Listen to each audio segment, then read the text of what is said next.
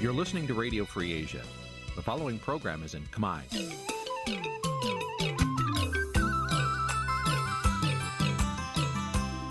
Nǐ chi càm bi tiệp xáy vệt chiu a zì sê ray នេះជាកម្មវិធីផ្សាយរបស់ Vithu Azisari ជាភាសាខ្មែរ វិទ្យុអាស៊ីសេរីសូមស្វាគមន៍លោកអ្នកនាងទាំងអស់ពីរដ្ឋធានី Washington នៃសហរដ្ឋអាមេរិក ចាប់ពីរដ្ឋធានី Washington នាងខ្ញុំម៉ៅសុធានីសូមជម្រាបសួរលោកអ្នកស្ដាប់ទាំងអស់ជាទីមេត្រីចាយើងខ្ញុំសូមជូនការផ្សាយសម្រាប់ព្រឹកថ្ងៃប្រហ័ស7កើតខែផុតបុត្រឆ្នាំថោះបញ្ញស័កពុទ្ធសករាជ2567ហើយដល់ត្រូវនឹងថ្ងៃទី21ខែកញ្ញាគ្រិស្តសករាជ2023ជាដំបូងនេះសូមអញ្ជើញលោកអ្នកនាងកញ្ញាស្ដាប់ព័ត៌មានប្រចាំថ្ងៃដែលមានមេត្តាដូចតទៅ លោកហ៊ុនសែនរៀបចំប្រដ្ឋខ្មែរអស្វាគមន៍លោកហ៊ុនម៉ាណែតស្របពេលដែលប្រដ្ឋខ្មែរអាមេរិកកាំងក្រុងធ្វើបដកម្មប្រឆាំងមន្ត្រីសង្គមស៊ីវិលស្នើដល់រដ្ឋាភិបាល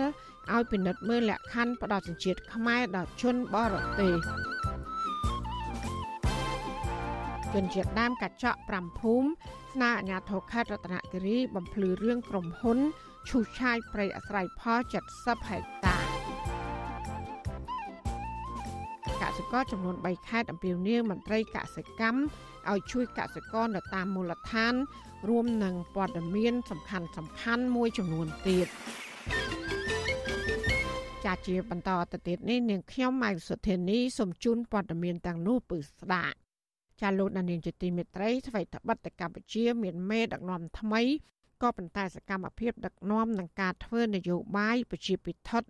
របស់លោកហ៊ុនម៉ាណែតមិនខុសពីឪពុករបស់លោក គឺលោកហ៊ុនសែននោះឡើយរៀងរាល់ពេលដែលលោកហ៊ុនសែនចេញទៅប្រជុំនៅក្រៅប្រទេស លោកតែងតែរៀបចំក្រុមមនុស្សឲ្យរងចាំទទួលស្វាគមន៍លោកជានិច្ចចាជាក់ស្ដែងលោកហ៊ុនម៉ាណែតវិញក៏មិនខុសពីឪពុករបស់លោកដែរនៅទន្ទឹមនឹងលោកហ៊ុនម៉ាណែត ក្រុងចូលរួមមហាសន្និបាតអង្គការសហប្រជាជាតិលោកក៏រៀបចំក្រុមមនុស្សរងចាំទទួលស្វាគមន៍លោកនោះដែរចាប់ពីរដ្ឋធានី Washington លោកទីនសាករាយាមានសេចក្តីរាយការណ៍ពឹស្ដាជំវិញព័ត៌មាននេះ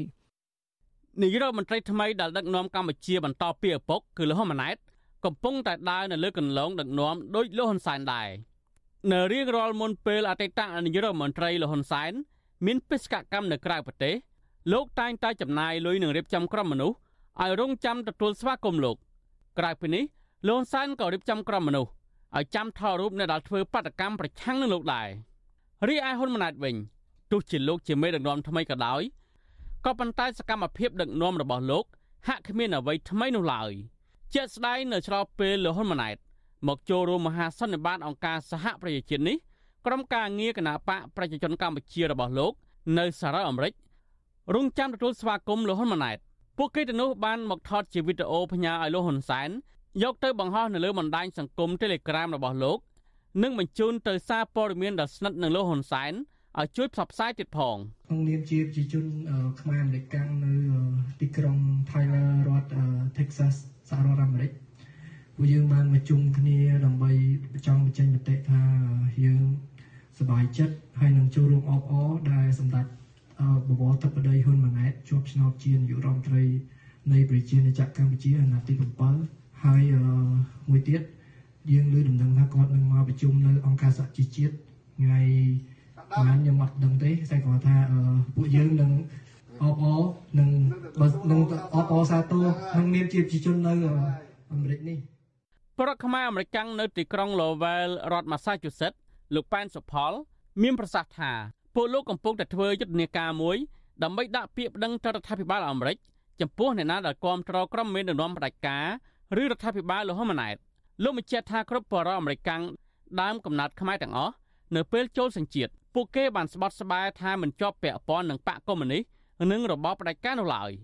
ច្បាប់ស្ដីអំពីការដាក់ទោសទណ្ឌជនទាំងឡាយណាដែលមាននិន្នាការគ្រប់គ្រងរបបកុម្មុយនីសហ្នឹង គឺនឹងត្រូវដកជាសញ្ជាតិអានេះខ្ញុំចង់និយាយឡើងហ្នឹងមួយខ្ញុំចង់និយាយដល់បងប្អូនប្រជាជនខ្មែរហ្នឹងសូមឲ្យប្រយ័ត្នព្រោះថានៅពេលនោះគឺយើងមានក្រុមការងាររបស់យើងនឹងថតរូបចំពោះរថយន្តណាទាំងឡាយដែលចាក់ចេញពីទីក្រុងឡូឬក៏ចាក់ចេញពីគ្រប់ទិសទីហ្នឹងយើងរត់រូបគាត់ដើម្បីយកជាផុសតាងជាសាក់សីដើម្បីបញ្ជូនទៅក្រសួងអន្តរប្រវេសន៍ដើម្បីឲ្យគាត់នឹងយកច្បាប់ដែលនឹងទៅដាក់ទោសទណ្ឌគាត់នឹងឯងណាអានោះគឺជាការប្រឈមមុខធ្ងន់ណាស់បើសិនជាគាត់ហ៊ាននៅតែប្រ ប្រហើនក្នុងការគ្រប់គ្រងក្រុមកុម្មុយនីសបាទនាយករដ្ឋមន្ត្រីលហ៊ុនម៉ាណែតនឹងមកដល់ទឹកដីសហរដ្ឋអាមេរិកក្នុងបរិយាញូវយ៉កជាលើកដំបូងក្រោយពីលោកត្រូវបានឪពុកលើកបន្តធ្វើជានាយករដ្ឋមន្ត្រីលោកហ៊ុនម៉ាណែតនឹងមកដល់ទឹកដីសហរដ្ឋអាមេរិកក្នុងបរិយាញូវយ៉កជាលើកដំបូងក្រោយពីលោកត្រូវបានឪពុកលើកបន្តធ្វើជានាយករដ្ឋមន្ត្រីលោកហ៊ុនម៉ាណែតនឹងមកចូលរួមមហាសន្និបាតអង្គការសហប្រជាជាតិលើកទី78 ដែលចាប់ផ្ដើមពីថ្ងៃទី21ដល់ថ្ងៃទី25កញ្ញាលោកហ៊ុនម៉ាណែតនឹងថ្លែងសន្ទរកថានៅក្នុងមហាសន្និបាតនេះដោយផ្ដោតលើប្រធានបទសំខាន់សំខាន់ចំនួន3រួមមានបរិបទពិភពលោកវឌ្ឍនភាពសង្គមសេដ្ឋកិច្ចកម្ពុជា និងការបដិញ្ញាចិត្តរបស់កម្ពុជា ចំពោះសកម្មភាពបដិវត្តកម្មនៃគោលដៅអភិវឌ្ឍដោយចីរភាពក្រៅពីបរដ្ឋខ្មែរអមេរិកដើមកំណត់ខ្មែរមួយចំនួនរងចាំទទួលស្វាគមន៍លោកហ៊ុនម៉ាណែតនោះក៏មានមន្ត្រីនិងសមាជិកគណៈបកកណ្ដាលអំណាច មកពីប្រទេសកម្ពុជារាប់សិបនាក់បានមកដល់សហរដ្ឋអាមេរិកមុនលោកហ៊ុនម៉ាណែតមកដល់ទៅទៀតដើម្បីរៀបចំផែនការទទួលស្វាគមន៍លោកហ៊ុនម៉ាណែតប្រពន្ធសុំមិនបញ្ចេញឈ្មោះឲ្យវិទ្យុអសិរ័យដឹងថាបរិរដ្ឋអាមេរិកដើមកំណត់ខ្មែរដែលទៅទទួលស្វាគមន៍លោកហ៊ុនម៉ាណែតនោះគឺពួកគេមិនត្រូវចំណាយលុយផ្ទាល់ខ្លួននោះឡើយពួកគេត្រូវបានមន្ត្រីរដ្ឋាភិបាលឬមនុស្សចំណិតនៅលោកហ៊ុនម៉ាណែតជាអ្នករៀបចំទិញសម្បត្តិយន្តហោះការស្នាក់នៅ និងការចេញថ្លៃម្ហូបអាហារដែលពួកគេហោះចេញពីរដ្ឋមួយចំនួនឆ្ពោះទៅកាន់ទីក្រុងញូវយ៉កដើម្បីរងចាំទទួលស្វាគមន៍លោកហ៊ុនម៉ាណែតរីឯអ្នកគាំទ្រគណៈបកប្រឆាំងវិញក៏នាំគ្នាទៅបរិយាញូវយ៉កដែរនៅថ្ងៃទី22កញ្ញានេះពួកគេមិនមែនទៅរងចាំស្វាគមន៍លោកហ៊ុនម៉ាណែតនោះឡើយពួកគេទៅធ្វើបដកម្មប្រឆាំងនិងមិនទទួលស្គាល់លោកហ៊ុនម៉ាណែតជានាយរដ្ឋមន្ត្រីតពូជសម្រាប់កម្ពុជានោះទេបរិអាមេរិកដើមកំណត់ខ្មែរនៅរដ្ឋតិចសាសលោកអ៊ុយដាលី ឲ្យដឹងថាលោកនឹងបរិបមួយចំនួនទៀតត្រៀមទៅធ្វើបដកម្មប្រឆាំងនៅលោកហ៊ុនម៉ាណែតនៅទីក្រុងញូវយ៉កលោកបញ្ជាក់ថាលោកសុកចិត្តរត់តាក់ស៊ីដើម្បីរកលុយចំណាយលើថ្លៃយន្តហោះសន្តាគារនិងថ្លៃម្ហូបអាហារលោករត់តាក់ស៊ីឬ Uber នៅក្រៅម៉ោងធ្វើការលោកលើកពីមូលហេតុដែលលោកលះបង់កម្លាំងកាយចិត្តទាំងថវិកានិងពេលវេលានេះដោយសារតែលោកមើលឃើញកម្ពុជាក្រោមការដឹកនាំរបស់ត្រកូលហ៊ុនធ្វើឲ្យប្រទេសជាតិហិនហោច អ្វីដែលខ្ញុំទៅនោះគឺដោយសារតែទឹកចិត្តបាទទឹកចិត្តហើយទីមួយរឿងអយុធធម៌នៅក្នុងប្រទេសកម្ពុជាយើងនោះគឺវាចេះតែបន្តវាអត់មានធូរស្រាលពីឪដល់កូនហើយកូនឡើងមកហ្នឹងគឺគ្មានភាពស្របច្បាប់ហើយក៏គ្មានបង្ហាញពីគោលនយោបាយគោលចំហណាមួយឲ្យមានការល្អប្រសើរជាងការដឹកនាំរបស់ឪពុករបស់ខ្លួននេះគឺមានតែអាក្រក់ជាងមុនយើងឃើញបន្ទាប់ពីឡើងអំណាចបន្ទាប់មកប្រហែលផងយើងឃើញមានអ្នករងគ្រោះ សកម្មជនរិះគន់សង្គមនៅក្នុងបណ្ដាញ Facebook អីជាដើមនឹងត្រូវរងគ្រោះថ្នាក់ដូចជាលោកនីណាដូចអីជាដើមនឹងក្រុមអ្នកប្រជាធិបតេយ្យគណៈបកប្រឆាំងរួមទាំងអង្គការសង្គមស៊ីវិលផងនឹងជួបជុំគ្នានៅបរិវេណអគារអង្គការសហប្រជាជាតិនៅបរិយាញូវយ៉កវេលាម៉ោង10ព្រឹកថ្ងៃទី22កញ្ញាប្រធានចលនាស្ត្រីគណៈបកសង្គ្រោះជាតិនៅស្រីថិតកំហ៊ុនមានប្រសាសន៍ថាប្រដ្ឋខ្មែរអាមេរិកដើមកំណត់ខ្មែរនិងប្រដ្ឋខ្មែរមកពីប្រទេសផ្សេងផ្សេងទៀត ដូចជាអូស្ត្រាលីនិងកាណាដាជាដើមគឺមានចន្លោះពី300ទៅ400នាក់និងប្រមូលផ្ដុំគ្នាធ្វើបាតកម្មប្រឆាំងនឹងលោកហ៊ុនម៉ាណែតនៅស្រីបញ្ជាក់ថាប្រទេសកម្ពុជាត្រូវបានរបបត្រកូលហ៊ុនយកមកធ្វើជាកម្មសិទ្ធិផ្ដាច់មុខនិងប្រើប្រាស់ច្បាប់ដើម្បីគៀបសង្កត់អ្នកប្រឆាំងអ្នកឆ្លៃថាពេលនេះបរដ្ឋខ្មែរត្រូវរួមគ្នាសង្គ្រោះប្រទេសកម្ពុជាវិញ។ ឥឡូវនេះយើងឃើញមានការអឺមិនខុសជាពីពុកពីពុកគាត់មកទេគាត់ទុំតែចាប់ដើមបន្តពីពុកប៉ុន្តែយើងឃើញមានការចាប់នៅសកម្មជនរបស់យើងជាច្រើនទៀតហើយយើងឃើញមានការលួចវាយឆ្មក់ទៅលើអ្នកដែលជាសង្គមស៊ីវិលធម្មតាអីទាំងអស់ហ្នឹងយើងឃើញមានរូបភាពសាហាវអញ្ចឹងទាំងអស់ហ្នឹងឯងគឺបានសេចក្តីថាកម្ដៅនៃអំណាចផ្ដាច់ការនៅតែបន្តទៀត របាយការណ៍គម្រោងយុទ្ធធម៌ពិភពលោកបានរកឃើញថាកម្ពុជាពូកែខាងរំលោភច្បាប់ប្រទេសកម្ពុជាជាប់ចំណាត់ថ្នាក់ផ្នែកនីតិរដ្ឋឬគោរពច្បាប់ស្ទើរតែនៅបាតតារាង គឺនៅលេខ139ក្នុងចំណោម140ប្រទេសកាលពីឆ្នាំ2022របាយការណ៍នេះបានលើកពីកត្តាចម្បងចម្បងចំនួន8សម្រាប់ដំណើរការដាក់សន្ទុះនីតិរដ្ឋក្នុងនោះមានដូចជាដែនអំណាចរដ្ឋាភិបាល ការលុបបំបាត់អំពើពុករលួយរដ្ឋាភិបាលបើកទូលាយ សិទ្ធិជាមូលដ្ឋានសន្តិភាពនិងសន្តិសុខសង្គមការពង្រឹងការអនុវត្តច្បាប់យុទ្ធធរផ្នែករដ្ឋប្រវេណីនិងយុទ្ធធរផ្នែកព្រហ្មទណ្ឌដែលកម្ពុជាសុទ្ធតែទទួលបានពិន្ទុទាបទាំងអស់ក្រុមអ្នកប្រជាធិបតេយ្យនិងគណៈបកប្រឆាំងលើកឡើងថាក្រៅពីពួកគេធ្វើបាតកម្មប្រឆាំងនឹងលោកហ៊ុនម៉ាណែតនោះពួកគេក៏ធ្វើយុទ្ធនាការរួមគ្នា ស្វែងរកបរិវត្តអាមេរិកដើមកំណត់ខ្មែរណាដែលគ្រប់គ្រងរបបផ្ដាច់ការរបស់លោកហ៊ុនម៉ាណែតនោះហើយនឹងផ្ញើបញ្ជីឈ្មោះអ្នកទាំងនោះ ទៅកាន់រដ្ឋាភិបាលអាមេរិកដើម្បីឲ្យត្រួតពិនិត្យអំពីសញ្ជាតិអាមេរិករបស់ពួកគេវិញ នៅពេលដែលពួកគេបានធ្វើផ្ទុយពីច្បាប់របស់សហរដ្ឋអាមេរិកនោះខ្ញុំបាទទីនសាការីយ៉ាអស៊ីសេរីប្រធានាធិបតី Washington ចាលោកដានីងជាទីមេត្រីតកតងនឹងវត្តមានរបស់លោកនាយករដ្ឋមន្ត្រីហ៊ុនម៉ាណែតនេះវិទ្យុអសីស្រីនឹងរៀបចំការផ្សាយបន្តពិសេសចេញពីបរិវេណអង្គការសហប្រជាជាតិនៅបរិយាញូវយ៉ក នៅយប់ថ្ងៃសុក្រទី22ខែកញ្ញាក្រុមការងាររបស់វិទ្យុអសីស្រីនឹងតាមដានកិច្ចប្រជុំរបស់អង្គការសហប្រជាជាតិសកម្មភាពរបស់លោកហ៊ុនម៉ាណែតនិងរាយការណ៍ពីបរដ្ឋខ្មែរធ្វើបាតកម្មប្រឆាំងនឹងវត្តមានរបស់លោកហ៊ុនម៉ាណែតផងដែរចាសសូមលោកនាងកញ្ញារងចាំស្ដាប់នឹងទស្សនាការផ្សាយផ្ទាល់របស់យើងនេះដែលផ្សាយចេញពីទីក្រុងញូវយ៉ក ហើយដែលមានលោកជុនច័ន្ទបុតជាអ្នកសម្របសម្រួលការផ្សាយនេះកុំបីអាខាតចាសសូមអរគុណលោកនានីជាទីមេត្រីដំណើរធាននឹងស្ដាប់ការផ្សាយរបស់វិទ្យុអសីស្រី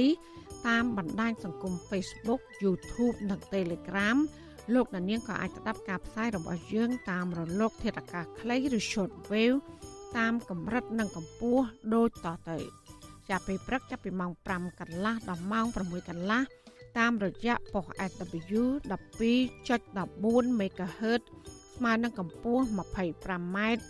និងប៉ុស SW 13.71 MHz ស្មើនឹងកម្ពស់ 22m ការសម្រាប់ពេលយប់វិញគឺចាប់ពីម៉ោង7កន្លះដល់ម៉ោង8កន្លះគឺតាមរយៈប៉ុស SW 9.33 MHz ស្មើនឹងកម្ពស់ 32m ប៉ុស SW 11.88 MHz ស្មើនឹងកម្ពស់ 25m និងប៉ុស SW 12.15 MHz ស្មើនឹងកម្ពស់ 25m ចាសសូមអរគុណចាលោកនានីទីមេត្រីគណៈរដ្ឋមន្ត្រីបានពិភាក្សានឹងអនុម័តលើសេចក្តីព្រៀងយុទ្ធសាស្ត្រជាតិ ស្តីពីការអភិវឌ្ឍសេដ្ឋកិច្ចក្រៅប្រព័ន្ធពីឆ្នាំ2023ដល់ឆ្នាំ2028ដើម្បីគ្រប់គ្រងប្រជាពលរដ្ឋអ្នកធ្វើការផ្នែកសេដ្ឋកិច្ចក្រៅប្រព័ន្ធស្វាគមន៍សេចក្តីព្រាងច្បាប់នេះបាទទោះបីជារដ្ឋាភិបាលចាប់ផ្ដើមរៀបចំផែនការគិតគូរដល់ប្រជាពលរដ្ឋប្រកបរបរសេដ្ឋកិច្ចក្រៅប្រព័ន្ធហាក់យឺតពេលបន្តិចក៏ដោយចាលោកមានរដ្ឋាភិការព័ត៌មាននេះ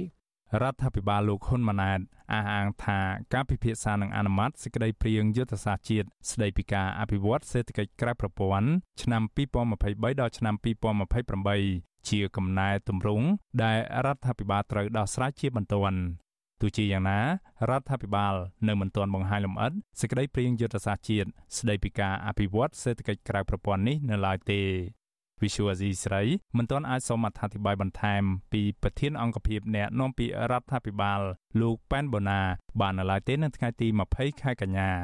ទោះជាយ៉ាងណាលោកប៉ែនបូណា បានសរសេរនៅលើទំព័រ Facebook របស់លោកនៅថ្ងៃទី20ខែកញ្ញាថារដ្ឋាភិបាលរបស់លោកហ៊ុនម៉ាណែតជារដ្ឋាភិបាលកំណែតម្រង់និងគ្រប់គ្រងប្រជាពលរដ្ឋ លោកបន្តថារដ្ឋាភិបាលថ្មីនេះធ្វើសកម្មភាពភ្លាមភ្លាមលឿនរហ័សដោយផ្ដោតសំខាន់លើការលើកកម្ពស់ជីវភាពពលរដ្ឋគាំពៀប្រជាពលរដ្ឋយកចិត្តទុកដាក់ចំពោះពលរដ្ឋជាពិសេសពលរដ្ឋក្រីក្រ និងពលរដ្ឋងាយរងគ្រោះដែលទទួលបានផលមុនគេបើទោះបីជាមន្ត្រីរដ្ឋាភិបាលអះអាងបែបនេះក្តី អ្នកធ្វើការងារជាមួយពលរដ្ឋប្រកបរបរសេដ្ឋកិច្ចក្រៅប្រព័ន្ធនិងអ្នកឃ្លាំមើលសង្គមសង្កេតឃើញថាពលរដ្ឋដែលប្រកបរបរសេដ្ឋកិច្ចក្រៅប្រព័ន្ធត្រូវបានរត់ទុកពួកគេចោលមិនគិតគូររាប់ឆ្នាំមកហើយ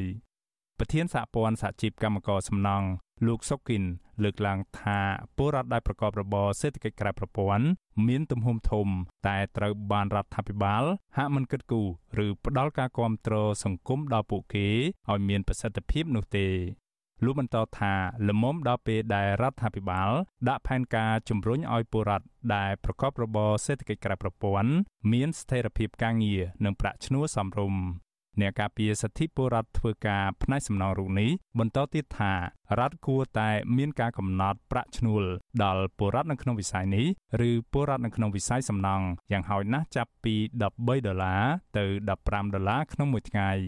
ហាក់បីដូចជាវាចន្លោះនៅសម្រាប់សេដ្ឋកិច្ចក្រៅប្រព័ន្ធមួយហាក់បីដូចវាមានចន្លោះនឹងហាក់បីដូចជាមិនមានយន្តការណាមួយឬមួយច្បាប់បទដ្ឋានគតិយុត្តណាមួយត្រូវអនុវត្តទៅលើគាត់ឲ្យមានផែនការមួយជាក់លាក់សម្រាប់អភិវឌ្ឍវិស័យនឹងមួយឲ្យវាជាក់លាក់អញ្ចឹងណាអញ្ចឹងហើយធ្វើឲ្យគាត់នឹងហាក់បីដូចជារាយប៉ាយមិនមានអ្នកណាមួយទទួលខុសត្រូវលោកសុគិនឲ្យដឹងដែរថានៅក្នុងឆ្នាំ2023នេះមានកម្មករធ្វើការងារនៅក្នុងវិស័យសំណង់ចាប់ពី250,000នាក់ ទៅ30,000នាក់ក្នុងនោះស្ត្រី30%ហើយការងាររបស់ពួកគេមានអត្រាគ្រោះថ្នាក់ការងារខ្ពស់ហើយនៅពេលដែលពួកគេជួបបញ្ហានេះកម្មករភ័យច្រើនមិនទទួលបានសេវាកិច្ចគាំពារសង្គមពីរដ្ឋនោះទេពលគឺពួកគេត្រូវចំណាយប្រាក់ផ្ទាល់ខ្លួនដើម្បីព្យាបាលជំងឺ តើតើនៅរឿងនេះអ្នកសិក្សាផ្នែកច្បាប់លោកវ៉នចាន់ឡូតសង្កេតឃើញថានៅពេលប្រទេសជួបវិបត្តិអ្វីមួយដូចជាវិបត្តិជំងឺ Covid-19 ប្រសិនបើអ្នកប្រកបរបរសេដ្ឋកិច្ចក្រៅប្រព័ន្ធជួបបញ្ហាហើយនោះវាក៏ជះឥទ្ធិពលដល់វិបត្តិសង្គមធ្ងន់ធ្ងរផងដែរ លោកបន្តថាដើម្បីគ្រប់គ្រងដល់ពលរដ្ឋដែលប្រកបរបរសេដ្ឋកិច្ចក្រៅប្រព័ន្ធឲ្យមានប្រសិទ្ធភាពរដ្ឋាភិបាលក៏គួរពង្រឹងស្ថាប័នរបស់រដ្ឋដែលផ្ដល់សេវាគាំពារដល់អ្នកប្រកបរបរសេដ្ឋកិច្ចក្រៅប្រព័ន្ធឲ្យមានប្រសិទ្ធភាព និងគ្មានការរើសអើងផងដែរសេវាគាំពារសង្គមនឹងអញ្ចឹងទៅយើងឃើញមួយផ្នែកគឺរដ្ឋក៏ទទួលបាននៅ អត្ថប្រយោជន៍អំពីការបង់នៃអ្នកសេដ្ឋកិច្ចក្រៅប្រព័ន្ធនឹងដែរតែគ្រាន់តែអ្វីដែលយើងចង់ផ្ដោតសំខាន់គឺរដ្ឋត្រូវតែពង្រឹងទាំងគុណភាពនៃផ្នែកសេវាសុខាភិបាល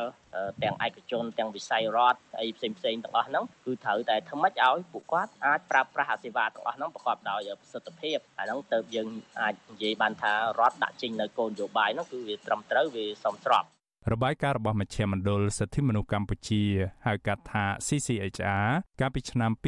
2022បង្ហាញថាការងារនៅកម្ពុជាជាង90%ជាការងារផ្នែកសេដ្ឋកិច្ចក្រៅប្រព័ន្ធក៏ប៉ុន្តែកម្មករផ្នែកសេដ្ឋកិច្ចក្រៅប្រព័ន្ធត្រូវបានគេមើលរំលង ឬមើលមិនឃើញនិងបន្តស្ថិតនៅក្នុងភាពក្រីក្រដដែលខ្ញុំបានមេរិត Visual C ស្រី ពីរដ្ឋធានី Washington ចាលោកនានីជាទីមេត្រីពាក់ព័ន្ធនឹងការផ្ដោតសញ្ជាតិខ្មែរដល់ជនបរទេសវិញអ្នកវិភាគនិងមន្ត្រីសង្គមស៊ីវិលយល់ឃើញថារដ្ឋាភិបាលគួរតែពិនិត្យឡើងវិញ ចំពោះលក្ខខណ្ឌក្នុងការផ្ដោតសញ្ជាតិខ្មែរដល់ជនបរទេសជាជាងការផ្ដាល់ផ្អែកតាមតែប្រយោជន៍និងបពុនិយមប៉ុន្តែមន្ត្រីរដ្ឋាភិបាលថាដំណើរការផ្ដាល់សញ្ជាតិកន្លងមកនេះ គឺគ្រប់តាមលក្ខខណ្ឌច្បាប់និងមិនមានអំពើពុករលួយដូចជាការលើកឡើងរបស់សាធារណជននោះឡើយចាលោកតារារិទ្ធសែនរាយការណ៍ព័ត៌មាននេះការជជែកដេញដោលពីរឿងរ៉ាវជនបរទេសទទួលបានសញ្ជាតិខ្មែរបានកក្រើកឡើងវិញជាថ្មីទៀតក្រោយមានជនបរទេសមួយចំនួនដែលទទួលបានសញ្ជាតិខ្មែរស្ថិតក្នុងបញ្ជីឈ្មោះនៃក្រុមមនុស្សប្រព្រឹត្តបទអូក្រិដ្ឋឆ្លងដែនធ្ងន់ធ្ងរដែលធ្វើឲ្យប៉ះពាល់ដល់មុខមាត់និងកិត្តិយសរបស់ប្រទេសកម្ពុជា។ ក្តីបារម្ភរបស់អ្នកវិភាគនិងមន្ត្រីសង្គមស៊ីវិលក្រោយពីការរកឃើញថាប្រទេសកម្ពុជាបានផ្ដល់សញ្ជាតិដល់ជនបរទេសជិត500នាក់ក្នុងឆ្នាំ2022ក្នុងនោះមានជនជាតិចិន និងជនជាតិតៃវ៉ាន់ទទួលបានសញ្ជាតិខ្មែរចំនួន266នាក់និងជនជាតិវៀតណាមចំនួន57នាក់គិតត្រឹមថ្ងៃទី3ខែកុម្ភៈឆ្នាំ2023កម្ពុជាបានផ្ដល់សញ្ជាតិដល់ជនបរទេសចំនួន42នាក់បន្ថែមទៀត ជនបរទេសដែលទទួលបានសញ្ជាតិខ្មែរទាំងនោះស្ទើរតែទាំងស្រុងគឺទទួលបានតាមរយៈសញ្ជាតិតូបនីយកម្មបើតាមច្បាប់ស្តីអំពីសញ្ជាតិខ្មែរការសុំចូលសញ្ជាតិខ្មែរតាមរយៈសញ្ជាតិតូបនីយកម្មនេះគឺជនបរទេសក៏អាចចូលតាមការដាក់វិនិយោគទុនធ្វើអាជីវកម្មនៅកម្ពុជាឬផ្ដល់អំណោយជាទឹកប្រាក់ដល់កម្ពុជាទោះជាយ៉ាងណាច្បាប់ក៏បានចែងនៅលក្ខខណ្ឌចាំបាច់មួយចំនួនដែលជនបរទេសត្រូវបំពេញមុននឹងពួកគេអាចទទួលបានសញ្ជាតិខ្មែរ ជាក់ស្ដែងមាត្រា19នៃច្បាប់ស្តីអំពីសញ្ជាតិចែងថាជនបរទេសត្រូវចេះភាសាខ្មែរចេះអក្សរខ្មែរនិងយល់ដឹងប្រវត្តិសាស្ត្រខ្មែរខ្លះៗហើយបង្ហាញផុសតាងច្បាស់ថាខ្លួនអាចរស់នៅក្នុងសង្គមកម្ពុជាដោយសុខដុមព្រមទាំងទទួលបាននូវទំនៀមទម្លាប់និងប្រពៃណីរបស់ខ្មែរមានបញ្ញានិងកាយសម្បទានដែលមិននាំឲ្យមានគ្រោះថ្នាក់ឬនាំឲ្យមានបន្ទុកដល់ជាតិអ្នកសិក្សាផ្នែកនយោបាយនិងសង្គមលោកប៉ៅមករាលើកឡើងថា ការផ្ដល់សញ្ជាតិគឺជារឿងត្រឹមត្រូវនឹងអាចទទួលយកបានគ្រប់បណ្ដាប្រទេសទាំងអស់ក្នុងករណីដែលបុគ្គលដែលស្នើសុំសញ្ជាតិទាំងនោះជាមនុស្សល្អគ្រប់លក្ខណៈច្បាប់និងជាអ្នកផ្ដល់ផលប្រយោជន៍ដល់ប្រទេសកម្ពុជាប៉ុន្តែលោកប៉ោមករាថាកន្លងមករដ្ឋាភិបាលពុំបានគិតលើលក្ខខណ្ឌជនបរទេសដាក់ពាក្យស្នើសុំសញ្ជាតិខ្មែរនោះទេហើយបញ្ហាទាំងនេះធ្វើឲ្យមានភាពអវិជ្ជមាន កំពុងជះឥទ្ធិពលក្នុងសង្គមដូចជាការប្រព្រឹត្តបទល្មើសនិងការដណ្ដើមការងារពីពលរដ្ឋខ្មែរម្ចាស់ស្រុកផងដែរអាញាធររដ្ឋគួរតែតាមដានគាត់បន្តទៅទៀតនោះតើគាត់ប្រព្រឹត្តទៅតាមលក្ខខណ្ឌរបស់ច្បាប់សញ្ជាតិនឹងអត់ណាច្បាប់សញ្ជាតិនឹងពីព្រោះកាលណាតែគាត់អត់បានប្រព្រឹត្តទៅតាមអាគេហៅថាលក្ខខណ្ឌនៃច្បាប់សញ្ជាតិនឹងទេវាធ្វើឲ្យមុខមាត់ប្រទេសជាតិកម្ពុជាយើងវាអាចប៉ះពាល់ទៅដល់ភាពថ្លៃថ្នូរផ្ទុយពីអ្វីដែលបានចែងក្នុងច្បាប់ កន្លងទៅគេឃើញមានភាពមិនប្រក្រតីមួយចំនួនក្នុងការផ្ដល់សញ្ជាតិខ្មែរដល់ជនបរទេសគេសង្កេតឃើញថាជនបរទេសខ្លះកុំថាឡាយយល់ដឹងអំពីប្រវត្តិសាស្ត្រឬប្រពៃណីទំនៀមទម្លាប់ខ្មែរសូម្បីតែភាសាខ្មែរក៏ពួកគេសរសេរមិនត្រង់ជួរផងលើសពីនេះជនបរទេសទទួលបានសញ្ជាតិខ្មែរខ្លះថែមទាំងមានមុខតំណែងក្នុងជួររដ្ឋាភិបាលទៀតផងជាក់ស្ដែងឪពុករបស់អុកញ៉ាថោងសារ៉ាត់ឈ្មោះយឿងថេគឿង ជនជាតិវៀតណាមបដូរឈ្មោះជាថោងចម្រើន និងម្ដាយឈ្មោះចិនធីឡុកបដូរឈ្មោះមកកែវសារីទទួលបានសញ្ជាតិខ្មែរនៅខែកក្កដាឆ្នាំ2022បើទោះជាអ្នកទាំងពីរធ្លាប់ប្រព្រឹត្តខុសច្បាប់ជាប់ពន្ធនាគារក្តីក្រៅពីទទួលបានសញ្ជាតិខ្មែរលោកស្រីកែវសារីក៏មានក្របខ័ណ្ឌជានាយទាហាននៃកងយោធាខេមរៈភូមិន្ទក្រសួងការពារជាតិឋានន្តរស័ក្តិថ្នាក់វិរៈស្នេហ៍តូតាំងពីអំឡុងឆ្នាំ2010 និងធ្លាប់មានមុខតំណែងជាទីប្រឹក្សាអគ្គលេខារដ្ឋានព្រឹទ្ធសភារបស់ប្រទេសកម្ពុជា មានឋានៈជាជំទាវទៀតផងគេនៅចាំថាក្រោយមានរឿងឃាតកម្មលើអុកញ៉ាអឹងមេងឈឺកាលពីឆ្នាំ2014ឪពុកម្ដាយរបស់លោកថងសារ៉ាត់ក៏ត្រូវបានសមត្ថកិច្ចចាប់ខ្លួននិងត្រូវបានតុលាការក្រុងភ្នំពេញកាត់ទោសឲ្យជាប់ពន្ធនាគារ2ឆ្នាំពាក់ព័ន្ធនឹងការលាក់ទុកនិងប្រើប្រាស់អាវុធជាច្រើនដោយគ្មានច្បាប់អនុញ្ញាត បើទោះជាឪពុកម្ដាយលោកថងសារ៉ាត់ធ្លាប់មានទោសជាប់ពន្ធនាគារនិងក្រោយមករងការចោទថាបានផ្ដល់សំណូកដល់អតីតប្រធានសាលាដំបងរាជធានីភ្នំពេញលោកអាំងមីលតីដើម្បីបាននៅក្រៅឃុំក្តីក៏ពួកគាត់ទាំងពីរមានសំណាងដោយសារលោកហ៊ុនសែនបានទូលថ្វាយព្រះមហាក្សត្រឲ្យផ្ដល់សញ្ជាតិពួកគេនៅឆ្នាំ2022អ្នកនាំពាក្យក្រសួងមហាផ្ទៃលោកខៀវសុភ័ក្រ អះអាងប្រាប់វិទ្យុអាស៊ីសេរីនៅថ្ងៃទី20កញ្ញាដំណើរការក្នុងការផ្ដល់សញ្ជាតិទៅឲ្យជនបរទេសគឺគោរពទៅតាមលក្ខខណ្ឌច្បាប់មិនមានការសោកប៉ាន់និងមិនមានការរត់ការនោះទេតែទោះជាយ៉ាងណាអ្នកនាំពាក្យរូបនេះមិនអាចបញ្ជាក់អំពីមូលហេតុដែលឪពុកម្ដាយលោកថោងសារ៉ាត់ទទួលបានសញ្ជាតិទោះបីពួកគេធ្លាប់ប្រព្រឹត្តបទល្មើសនៅកម្ពុជា ករណីនេះគឺថ្មីខ្លួនត្រូវបំពេញលក្ខខណ្ឌទាំងអស់ដូចជាខ្មែរយើងមិនអ្វីបានធ្វើចឹងប្រកែកយ៉ាងម៉េចគឺធ្វើតាមនឹងពោះការរត់ការអីហ្នឹងជារឿងបើផ្សេងទេបើតែយ៉ាងជាគួរការច្បាប់ពុយអត់មានក្រសួងណាអ្នករត់ការឲ្យមកទៅជួបសម្ភាសជួបអីគណៈកម្មការដូចតែយើងនៅអាមេរិកក៏ចូលជាតិគេចឹងដែរហ្នឹងហើយជុំវិញរឿងនេះប្រធានមជ្ឈមណ្ឌលប្រជាពលរដ្ឋដើម្បីអភិវឌ្ឍនិងសន្តិភាពលោកយងកំឯងលើកឡើងថា រដ្ឋមិនទាន់មានតម្លាភាពនិងការទទួលខុសត្រូវជាក់លាក់នៅឡើយទេ ចំពោះការផ្ដល់សញ្ជាតិដល់ជនបរទេសលោកយងកំឯងថាភាពមិនប្រក្រតីនៃការផ្ដល់សញ្ជាតិបានបង្ហាញឲ្យឃើញជាក់ស្ដែងពីករណីជនបរទេសដែលទទួលសញ្ជាតិខ្មែរប្រព្រឹត្តបទល្មើសហើយត្រូវអាជ្ញាធរខ្មែរឬអាជ្ញាធរបរទេសចាប់ខ្លួនបានក្នុងពេលកន្លងមក។ យើងឃើញហើយដូចជាពួកជនជាតិចិនពួកអីមកកន្លងមកនោះក៏មានបញ្ហាច្រើនអញ្ចឹងបើសិនយើងឲ្យផ្ដាល់ជាតិចំពួកដែលខិលខូចហ្នឹងគឺវាធ្វើឲ្យខូចខាតមុខមាត់របស់ជាតិហើយយើងបានប្រជាជនមិនល្អម្នាក់មកចូលក្នុងសង្គមដែលវាធ្វើឲ្យប៉ះពាល់អបអរដល់កិត្តិយសជាតិហើយវា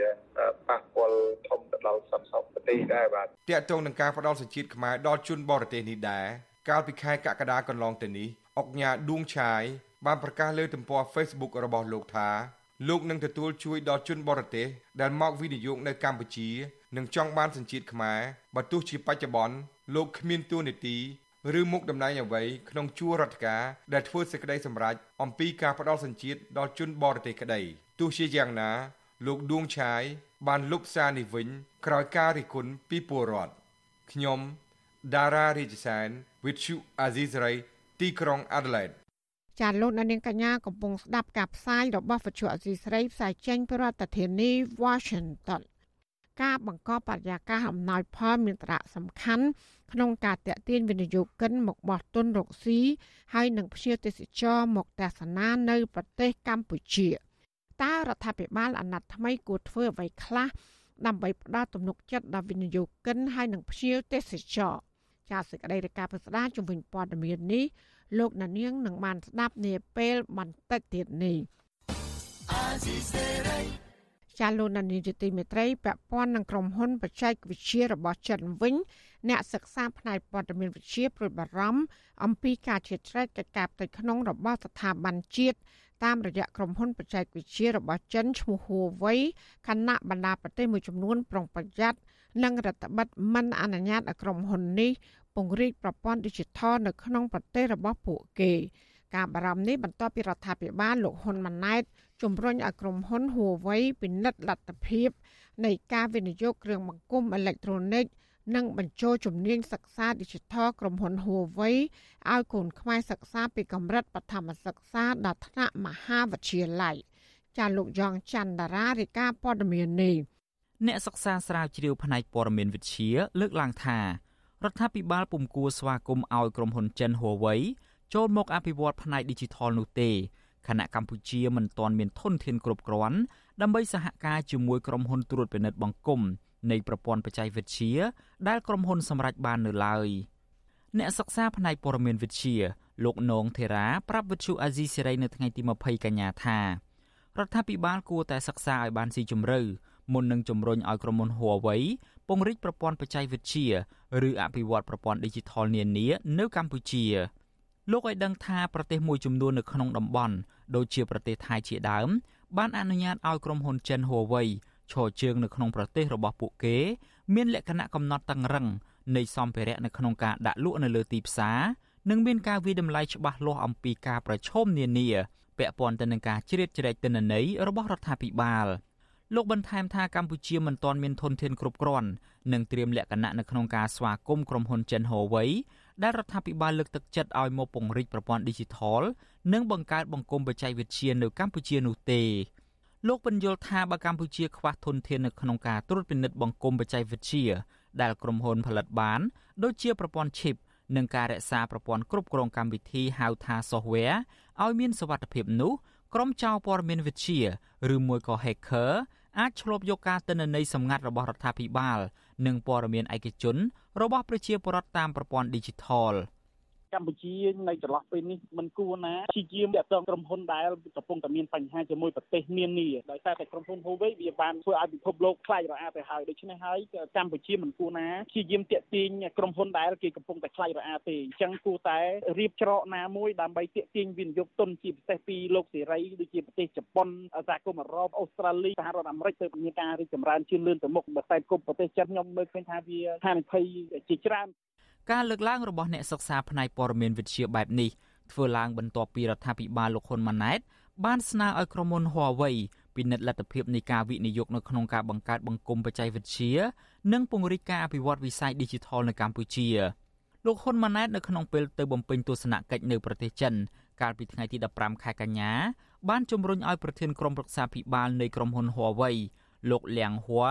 ពិចារណាការអភិវឌ្ឍ និងពង្រីកវិស័យ Digital តាមរយៈការដាក់បញ្ចូលកម្មវិធីសិក្សានៅកម្ពុជា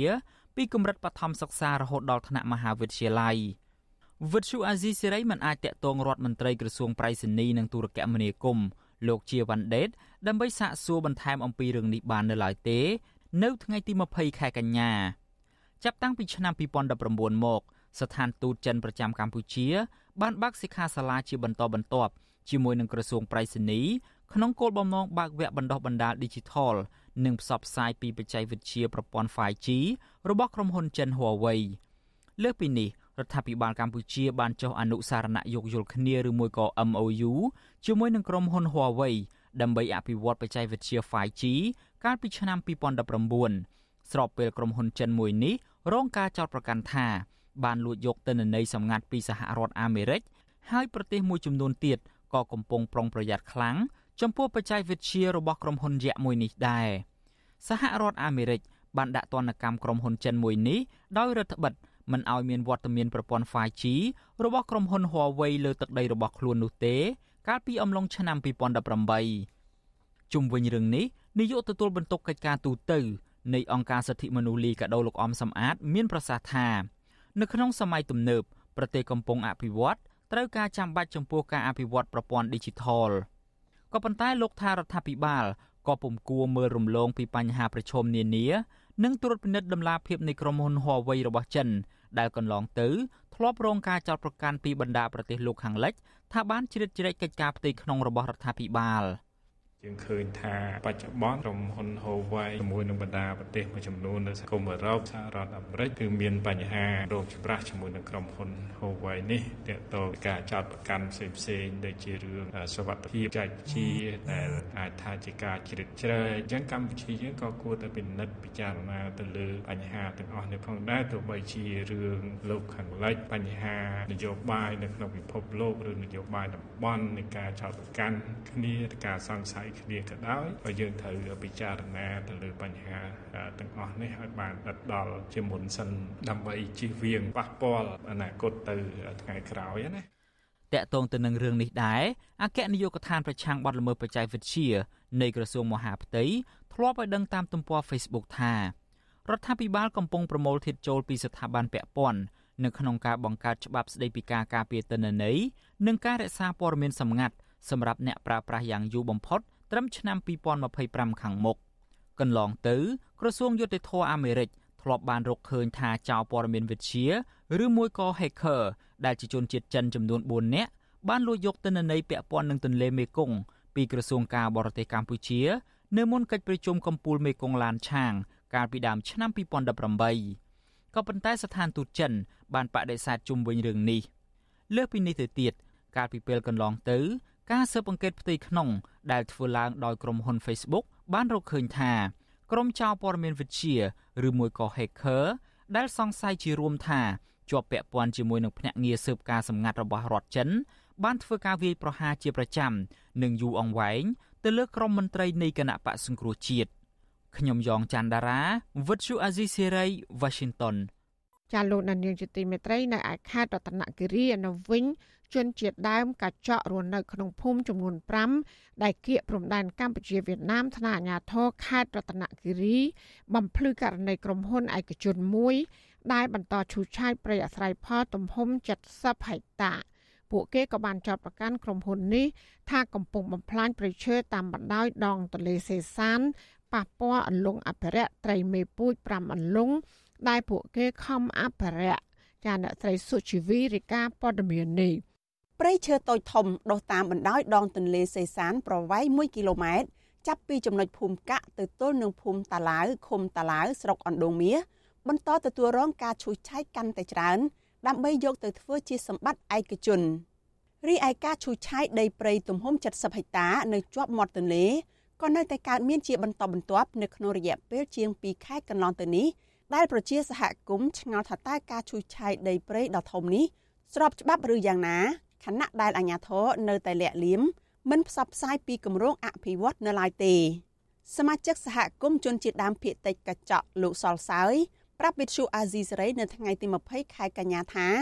ដើមឈើធំធំនិងឈើខ្លះទៀតទើបតែធំបានបន្តិចដុះនៅតាមបណ្ដោយទន្លេសេសានប្រវែង1000ម៉ែត្រ និងជាកន្លែងអាស្រ័យផលព្រៃឈើយ៉ាងសំខាន់របស់ពលរដ្ឋចំនួន5ភូមិកំពុងរងការឈូសឆាយអស់ជាច្រើន។លោកថាសកម្មភាពឈូសឆាយនេះកំពុងតែបំផ្លាញប្រភពចំណូលរបស់សហគមន៍ប៉ះពាល់កន្លែងខ្វៀលគោនិងជំរកសត្វព្រៃជាដើម ចិត្តចំណាត់នោះគាត់ចង់ស៊ូគេចង់ស៊ូគ្រប់អោយ150នោះនឹងប្រជាបរតអត់ព្រមទេឲ្យប្រកួតស៊ូលាយអស់ដើរមកតលេខ្ញុំសុំឲ្យគាត់ដល់ច្រាយរឿងបញ្ហាប្រព័ន្ធរឿងអន្លង់អភិរិយតាតែអីបានគាត់តែចាប់ចងមេភូមិនេះចាប់ចងចាប់ចងទៅគុកនឹងសម្រាប់ដាក់ឆ្កែណាគុកនឹងសម្រាប់ដាក់មនុស្សតាប្រជាសហគមន៍បន្ថែមថាក្រុមហ៊ុនឯកជនមួយដែលពួកលោកមិនស្គាល់ឈ្មោះបន្តឈូសឆាយព្រៃទំហំ70ហិកតាទៀតនៅគៀកនឹងភូមិកំណើតរបស់គាត់ អាជ្ញាធរនៅមិនទាន់បង្ហាញភាពស្របច្បាប់នៃការឈូសឆាយនេះនៅឡើយទេមកទល់នឹងពេលនេះឆ្លើយតបរឿងនេះមេឃុំតាឡាវលោកតាប៊ុនឡតបកស្រាយថា ទំហំដី70ហិកតា ដែលរងការឈូសឆាយជាដីកម្មសិទ្ធិឯកជនរបស់ពលរដ្ឋផ្សេងទៀតរស់នៅរាជធានីភ្នំពេញពុំមែនជាដីដែលរដ្ឋាភិបាលវិនិយោគឲ្យក្រុមហ៊ុនណាមួយឡើយលោកបញ្ជាក់ថាលោកនៅមិនទាន់ទទួលបានព័ត៌មានពីការឈូសឆាយដីព្រៃតាមបណ្ដោយដងទន្លេសេសាននៅឡើយទេ ហើយលោកនឹងចាត់ឲ្យអាជ្ញាធរឃុំចុះពិនិត្យរឿងនេះឆាប់ឆា ប់ម្ចាស់ចការនេះគាត់យកឲ្យមកកាយព្រំហើយមកកាយព្រៃដែលជាប់មាត់ទន្លេនេះក៏ប៉ះពាល់ព្រោះមួយអ្នកភូមិកាក់នឹងមិនមែនរឿងនោះមែនតែនឹងតែទួខ្ញុំខ្ញុំអត់អត់អត់ឆ្លើយអត់ចេញទេឥឡូវសំខាន់គឺទួម្ចាស់ដីព្រៃនឹងវាមិនមែនព្រៃឈើណាធំធំទេព្រៃអាស្រ័យព្រៃបោះដែលគាត់ទុកពី3ឆ្នាំទៅវាដុះឥឡូវយើងមានសិទ្ធិមិនទៅហាមគាត់ព្រោះវាមានព្រៃឈើធំធំផងវិទ្យុអាស៊ីសេរីនៅមិនទាន់អាចតាក់ទងសុំការឆ្លើយតបរឿងនេះ ពីអភិបាលខេត្តរតនគិរីលោកញ៉ែមសំអឿនបាននៅឡើយទេ នៅថ្ងៃទី20ខែកញ្ញាដោយទូរស័ព្ទហៅចូលតែគ្មានអ្នកលើកជុំវិញរឿងនេះអ្នកសម្របសម្រួលគម្រោងធុរកិច្ចនិងសិទ្ធិមនុស្សរបស់មជ្ឈមណ្ឌលសិទ្ធិមនុស្សកម្ពុជាលោកវ៉ាន់សុផាតពន្យល់ថាសកម្មភាពឈូសឆាយដីព្រៃដោយគ្មានការវិតម្លៃពីហេតុប៉ះពាល់បរិស្ថាន និងគ្មានការផ្សព្វផ្សាយគឺជាទង្វើខុសច្បាប់ លោកបញ្ជាក់ថាតាមច្បាប់គ្រប់ការអភិវឌ្ឍទាំងអស់ ត្រូវវាយតម្លៃពីហេតុប៉ះពាល់បរិស្ថាន និងសង្គមជាមុនហើយបើឃើញអំពើល្មើសនឹងហើយហើយមិនអនុវត្តហើយមិនព្រមដឹងឬមួយក៏រាយការណ៍ទៅអាជ្ញាធរមានសមត្ថកិច្ចក្រសួងមានសមត្ថកិច្ចទេអាហ្នឹងគឺជាការទទួលខុសត្រូវរបស់គាត់មួយទៀតត្រូវមានការត្រួតពិនិត្យមើលគឺអធិការកិច្ចទៅលើទូនាទីរបស់មន្ត្រីមូលដ្ឋានហ្នឹងទៀតបាទពលរដ្ឋរស់នៅភូមិតាឡាវភៀកច្រើនគឺជាជនជាតិដើមភៀកតិចកញ្ចក់ពួកគាត់មានទម្លាប់អាស្រ័យផលព្រៃឈើនេសាទត្រី និងធ្វើកសិកម្មចិញ្ចឹមជីវិតប្រជាសហគមន៍ថាដីព្រៃទំហំ70ហិកតា និងដីព្រៃនៅតាមបណ្ដោយដងទន្លេសេសានផ្ដល់ប្រយោជន៍សម្បូរបែបដល់ពលរដ្ឋរាប់ពាន់គ្រួសាររួមមានជំរកត្រីពងកូនជំរកសត្វព្រៃកន្លែងខ្វៀលគោនិងអនុផលព្រៃឈើហើយប្រសិនបើបាត់បង់នឹងធ្វើឲ្យជីវភាពរបស់សហគមន៍ធ្លាក់ចុះហើយត្រីនៅក្នុងអន្លង់អភិរក្សប្រឈមនឹងការគំរាមកំហែងដែរនាងខ្ញុំសុជីវីវិទ្យុអាស៊ីសេរី ពីរដ្ឋធានី Washington ចាលោកនាងកញ្ញាកំពុងស្ដាប់ការផ្សាយរបស់វិទ្យុអសីស្រីផ្សាយចេញពីរដ្ឋធានី Washington ពាក់ព័ន្ធនឹងវិស័យកសិកម្មវិញកសិករ3ខេត្តផ្សេងគ្នាអំពាវនាវឲ្យមន្ត្រីកសិកម្មយកចិត្តទុកដាក់និងចោះជួយធ្វើការងារដល់កសិករនៅតាមមូលដ្ឋានដោយសារតែកាលពីអាណត្តិមុនមន្ត្រីទាំងនោះនៅតែនៅក្នុងការិយាល័យ មន្ត្រីសង្គមស៊ីវិលលើកទឹកចិត្តឲ្យមន្ត្រីកសិកម្មទាំងនោះយកចិត្តទុកដាក់ជួយដោះស្រាយបញ្ហាកសិករជាជាងគ្រាន់តែចង់បានទូនាទីមិនធ្វើអ្វីទាល់តែសោះចាសសេចក្តីរាយការណ៍ពុស្ដាជំវិញព័ត៌មាននេះលោកដានៀងក៏នឹងបានស្ដាប់នាពេលបន្តិចទៀតនេះ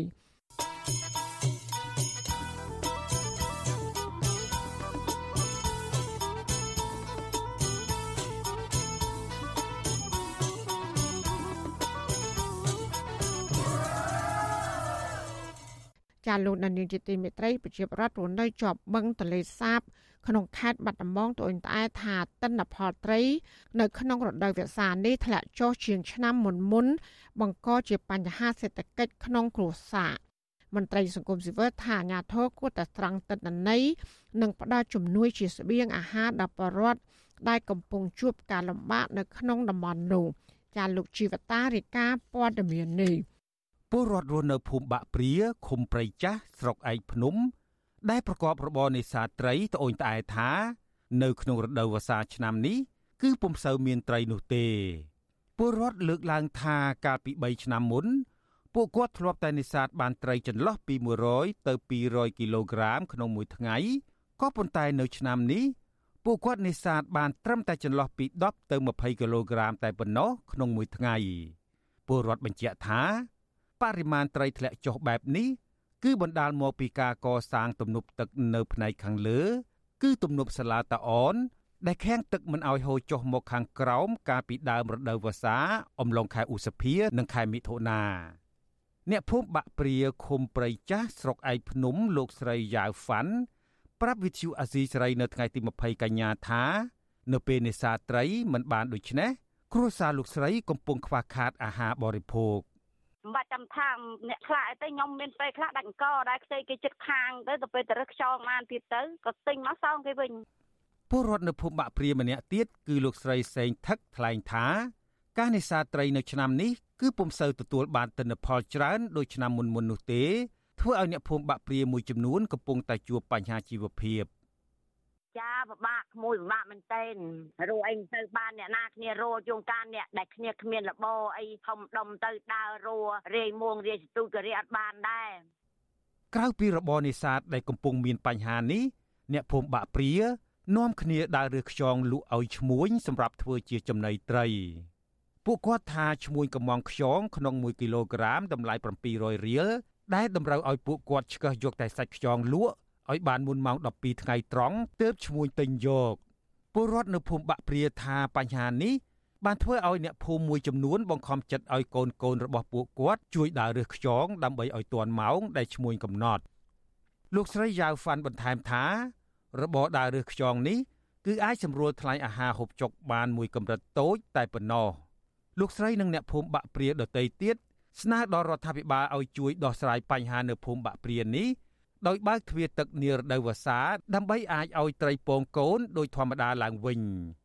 សិនចង់ឲ្យជីវភាពនៅភូមិបាក់ព្រែដែលល្បីថានេសាទត្រីសបោដោយខ្លាញ់អីជាប់តាមស្ទឹងអីដូចលឹកមុនស្នើសុំថាពេលមានតំណប់ក៏មានចុះពេលខែ6ខែ7អីចឹងយើងអាចចំហឲ្យគ្នាមកក្រោមទៅឲ្យប៉ះពាល់ដល់ត្រីផងឲ្យគ្នាវាពងកូនបានទៅអាចយើងរស់បានអាស៊ីសេរីនៅមិនទាន់អាចតាក់ទងមេភូមិព្រៃចាស់លោកលងផុនអភិបាលស្រុកឯកភ្នំលោកមើលសុផល នាយករដ្ឋបាលជលផលខេត្តបាត់ដំបងលោកជួងសុភា និងអភិបាលខេត្តបាត់ដំបងលោកសុកលូដើម្បីឆ្លើយតបសំណើរបស់ពលរដ្ឋនេះបាននៅឡើយទេនៅថ្ងៃទី20កញ្ញាទោះជាយ៉ាងណាក្តីអ្នកសម្របសម្រួលអង្គការលីកាដូប្រចាំខេត្តបាត់ដំបងលោកអឹងគុណចិត្តមានប្រសាសន៍ថាដើម្បីដោះស្រាយបញ្ហានេះអាជ្ញាធរគួរតែទប់ស្កាត់បទល្មើសនេសាទនារដូវត្រីពង និងចុះស្រង់ទិន្នន័យពលរដ្ឋដែលកំពុងជួបគ្រោះទុរភិក្សនេះ ដើម្បីផ្ដល់ជាស្បៀងអាហារឲ្យពួកគាត់ជាបណ្ដោះអាសន្នករណីដែលគាត់ជួបគ្រោះទុរភិក្សខ្លាំងដាច់ប្រាក់ចំណូលអានឹងគួរតែមានការផ្គត់ផ្គង់ស្បៀងអាហារសម្ភារៈខ្លះដល់ពួកគាត់